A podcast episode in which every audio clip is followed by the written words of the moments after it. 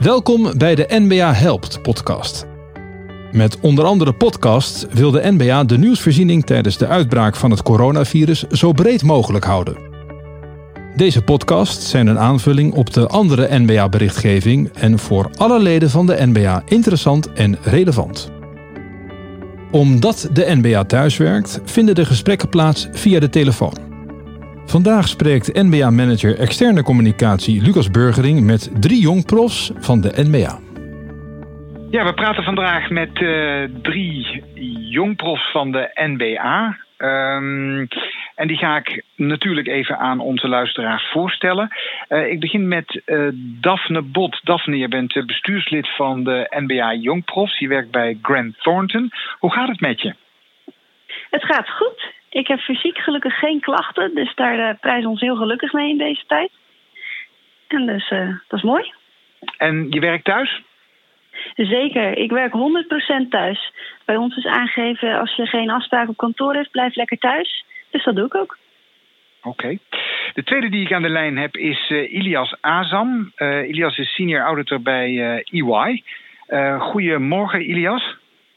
Ja, goedemorgen, Lucas. Dank je. Hoe gaat het met je? Ja, het gaat uh, naar omstandigheden goed met mij. Uh, we zitten momenteel natuurlijk in een uh, bijzondere periode. Een periode waarbij we in principe in een korte tijd onze mindset hebben moeten veranderen. Ik moet zeggen dat het heel goed gaat. Ik vind het toch wel bijzonder om het aanpassingsvermogen te zien van onze collega's. Maar ook zeker bijvoorbeeld van klanten hoe we dus in korte periode in staat zijn om anders te gaan werken, anders te gaan denken en ook tegelijkertijd resultaten te boeken. Uh, daar, gaan gelukkig... zo, daar, gaan we zo, over verder ja. praten, Ilias. Ehm, want ik wil eerst onze derde gesprekspartner graag aan de luisteraars voorstellen.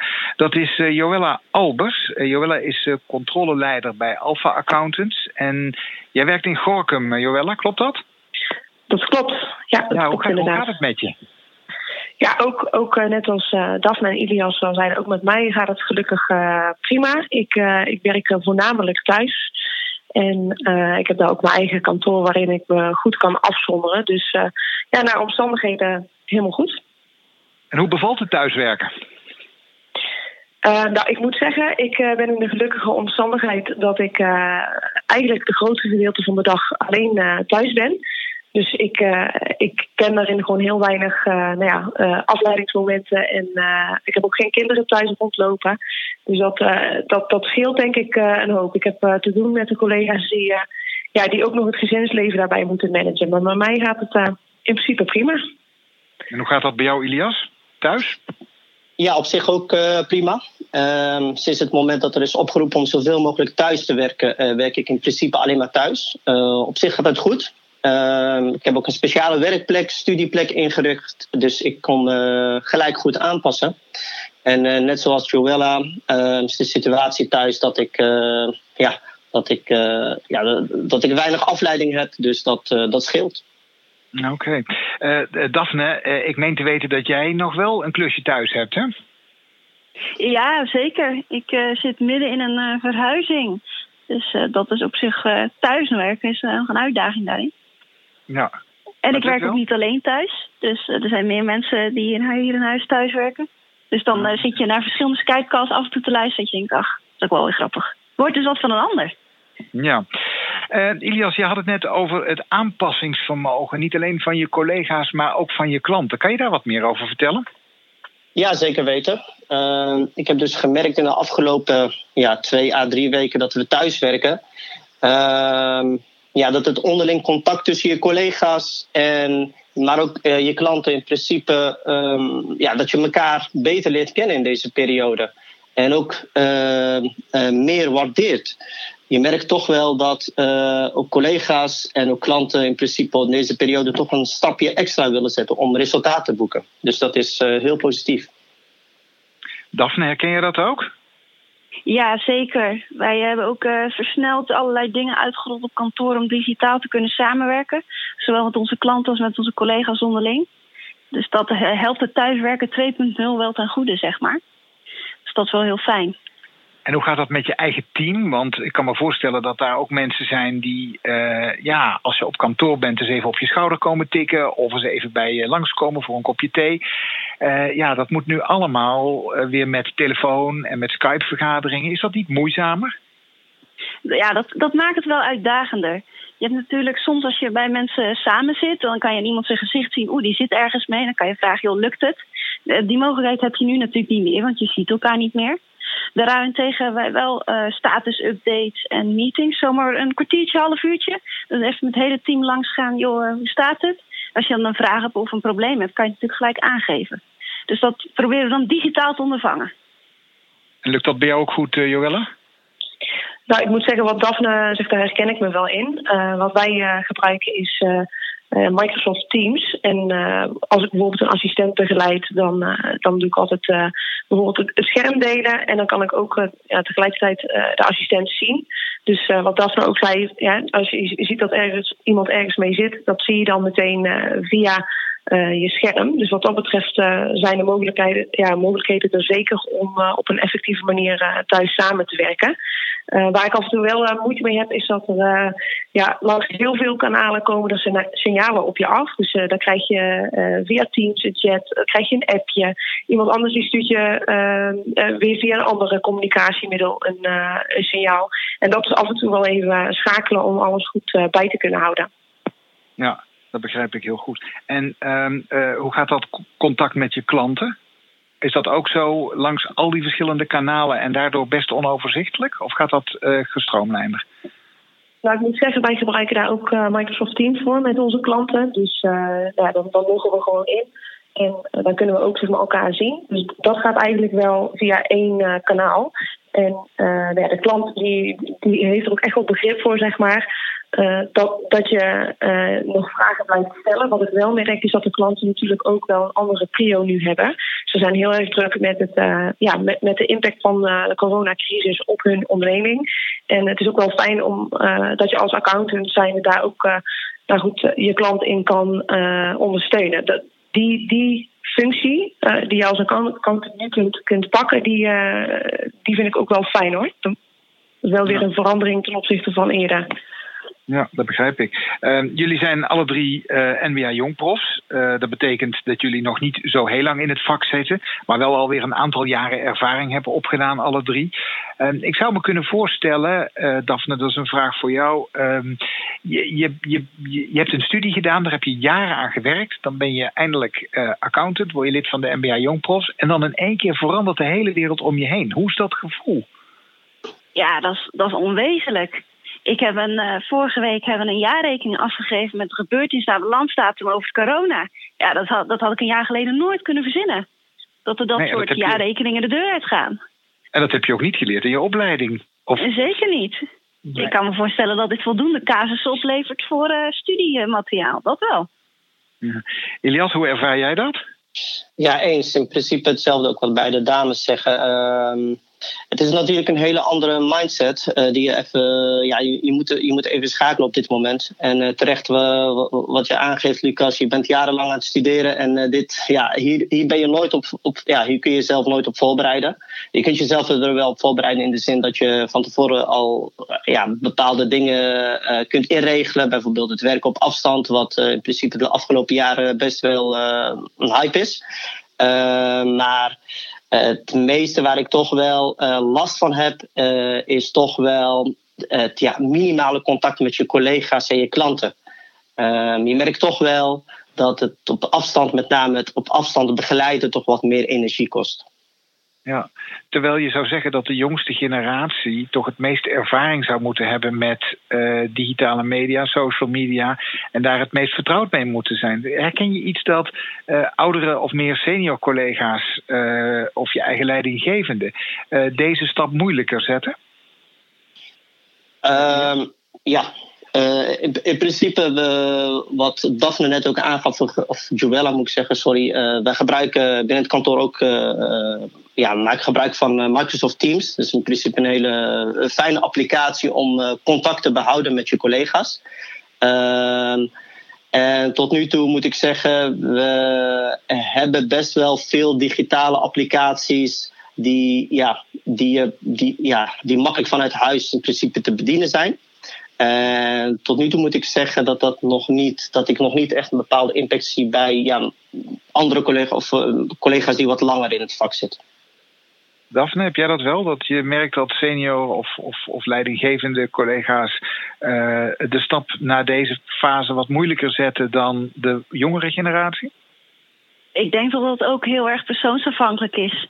Wij hebben bij ons op kantoor ook een aantal collega's die zijn inderdaad op wat uh, senioren leeftijd, zeg maar. Maar die zijn hartstikke actief met IT en die, die, lopen er helemaal in voor.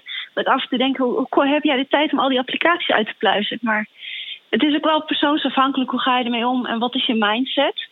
Ja. ja. over het algemeen zie ik wel uh, dat de, uh, de partners bijvoorbeeld, die greep ik naar verluid, zitten nog op kantoor.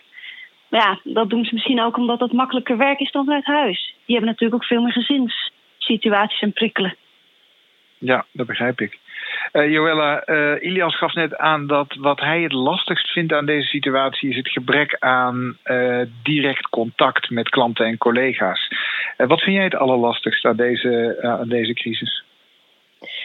Nou, ik, ik, denk dat dat zeker ook een van de dingen is die ik, die, die, ik ook lastig vind. Wat ik momenteel ook wel lastig vind, is welke rol pak je nu als accountant in deze situatie? Ik zit nu volop in een aantal in de afwikkeling van een aantal controles. En wat je nu merkt, je klant gaat echt uh, in de overlevingsstand. Dus aan de ene kant zit je dus uh, zeg maar nog je, met je dossier en je wilt dingen afronden. Aan de andere kant wil je er ook gewoon zijn voor je klant. Uh, en ook zeggen van, goh, hè, hoe gaat het nu? wat is, wat, wat is de, de, de blik naar voren? Hoe zitten jullie in, in de wedstrijd? Want er komen natuurlijk ook een hele hoop emoties vrij bij je klant. En, en, en, en die balans vinden tussen enerzijds uh, je eigen werk goed kunnen, kunnen afronden. En anderzijds ook ja, een stukje je maatschappelijke rol pakken. Uh, dat, vind ik, dat vond ik momenteel ja, echt wel een uitdaging. Ben je van mening dat het, de inhoud van het accountantsberoep daardoor ook misschien tijdelijk, maar wel veranderd is? Nou, ik, oh, ja, ik vind dat je dat mooi verwoordt. Want wat ik nu merk is dat je nou ja, misschien voor het eerst ook echt evident naar je klant toe een rol kunt spelen door te zeggen van goh, heb je daaraan gedacht? Zijn er eh, liquiditeitsbegrotingen gemaakt? Heb je scenario-analyses uh, gedaan? Niet in de laatste plaats natuurlijk, omdat wij vanuit uh, eh, NBA en ook die alert nummer 42 er iets mee moeten in ons dossier. Maar ook gewoon om een stukje handvatten te bieden aan je klant. Hoe kom je hier nou doorheen? En, en ja, hoe ga je hier nou verder mee om? Dus ik, ik vind wel, ik, ik hoop wel dat het meer toegevoegde waarde brengt voor ons vak ook. Ik ben bang dat je laatste zin een heel klein beetje wegviel, althans bij mij. Zou je die nog één keer kunnen zeggen? Ja, maar ik, ik, um, ik, ik, ik, hoop echt dat deze situatie dat dat, dat ook meer toevoegt. Um, dat ons vak ook echt meer toegevoegde waarde gaat krijgen. Ook voor uh, de ondernemingen die wij, die wij controleren, als het ware. Ja, uh, uh, controleren, adviseren. Ilias, herken je dat? De verandering in het accountantsberoep? Uh, ja, in principe natuurlijk. Ik, uh, ik werk volledig in de controlepraktijk. En met name klanten, OOB-klanten. Dus qua advies ehm, ja, mag dat natuurlijk niet samen gaan. Ehm, ja, dus de, de, adviesrol die heb ik niet echt. Maar zeker in deze zin, of in deze situatie moet je je controle aanpakken wel aanpassen, denk ik. Of gaan, gaan herzien in de zin dat je moet kijken hoe je je klant hierbij het best kan helpen. Want uh, je kan je voorstellen dat klanten bijvoorbeeld. Ja, dat dit heel veel impact heeft. Bijvoorbeeld ook op de oplevering. Ehm, zaken die vertraagd lopen, deadlines die niet behaald worden. Dus ja, en daar is de vraag natuurlijk, er komt de accountant bij kijken. Hoe, hoe ga je hiermee om? Ja, Daphne, we spraken vorige week in een podcast met jouw CEO, eh, Marcel Welsink. Ehm, en die gaf ook aan dat wat hem betreft ook met name in de adviespraktijk er nu wel heel veel meer verwacht wordt van accountants. speelt dat bij jullie intern als gevoel ook dat, dat ehm, de rol van de accountant op een andere manier moet worden ingevuld dan dat je gewend was of dan dat je geleerd hebt op school? Zeker, zeker. Ik, ik werk ook volledig in de auditpraktijk. Ik werk op de MKB. Uh, ja. Wat je ziet is, audit kijkt natuurlijk achteraf. Je kijkt altijd met een blik naar achteren. In ons geval 31 12 2019. Maar bijvoorbeeld de nauwregeling die gisteren is opengegaan, dat loket, ja, die heeft ook input nodig voor betrouwbare cijfers. Dus ja, terugkijken is soms ook dat je gewoon zorgt dat die klant gewoon goed zijn, zijn nauwregeling kan invullen en weer vooruit kan kijken naar het moment van nu. Van ja, nu is er crisis, wat gaan we er nu aan doen? Ja, maar Joella geeft ook aan dat de klant ook met andere emoties zit, met andere vragen. En misschien in een heel andere modus zit, veel meer overleven of watertrappelen, dan, uh, dan dat hij gewend is. Dus dat vraagt misschien ook wel een wat andere houding van ook een controlerend accountant. Zeker, zeker. Wij hebben natuurlijk ook uiteraard begrip voor als een klant uh, nou ja, niet conform oplevering kan opleveren. Of dat er vertraging optreedt in verband met inderdaad thuiswerken, inefficiënties. Dat begrijpen wij ook. Daar heeft iedereen mee te maken. Dus het is ook niet zo dat je klant daarvoor gaat afstraffen van je hebt iets niet gedaan wat wel zou moeten. Terwijl de prioriteit is, zorg dat je overleeft. Zorg dat je voldoende liquiditeiten houdt om inderdaad je business te behouden voor de komende periode. Ja, Um, ik kom aan een slotvraag die ik aan jullie alle drie ga stellen. Uh, en ik begin uh, bij jou, uh, Joella, als je dat goed vindt. Um, welke tip heb jij voor andere jongprofs of voor accountants in het algemeen in Nederland op dit moment? Een goede vraag. Ik denk wat het belangrijkste is in, in deze situatie, is vooral om uh, het gesprek open te houden, zowel met je collega's als met je. Hè, dus, dus uh, er kunnen assistenten zijn, maar ook leidinggevenden. Dus, dus blijf elkaar vinden via uh, Microsoft Teams, via de telefoon. Blijf communiceren en probeer vooral richting je klant echt het wederzijdse begrip te uiten voor de situatie waar zij nu in zitten. Ik denk als, als we dat doen en we blijven met ons gezondverstand ja, ons vak uitoefenen, dan komen we er met z'n allen doorheen. Nou, dat is een prachtige tip. Uh, Dank je wel daarvoor. Uh, Ilias, heb jij ja. een tip voor uh, jongprofs of voor accountants in Nederland? Ja, de in principe belangrijkste tip die ik zou willen, willen geven is uh, inderdaad ook zorg, uh, uh, zorg dat je voldoende in contact blijft met je collega's en met je klanten. dus je contact met je teams, je leidinggevende.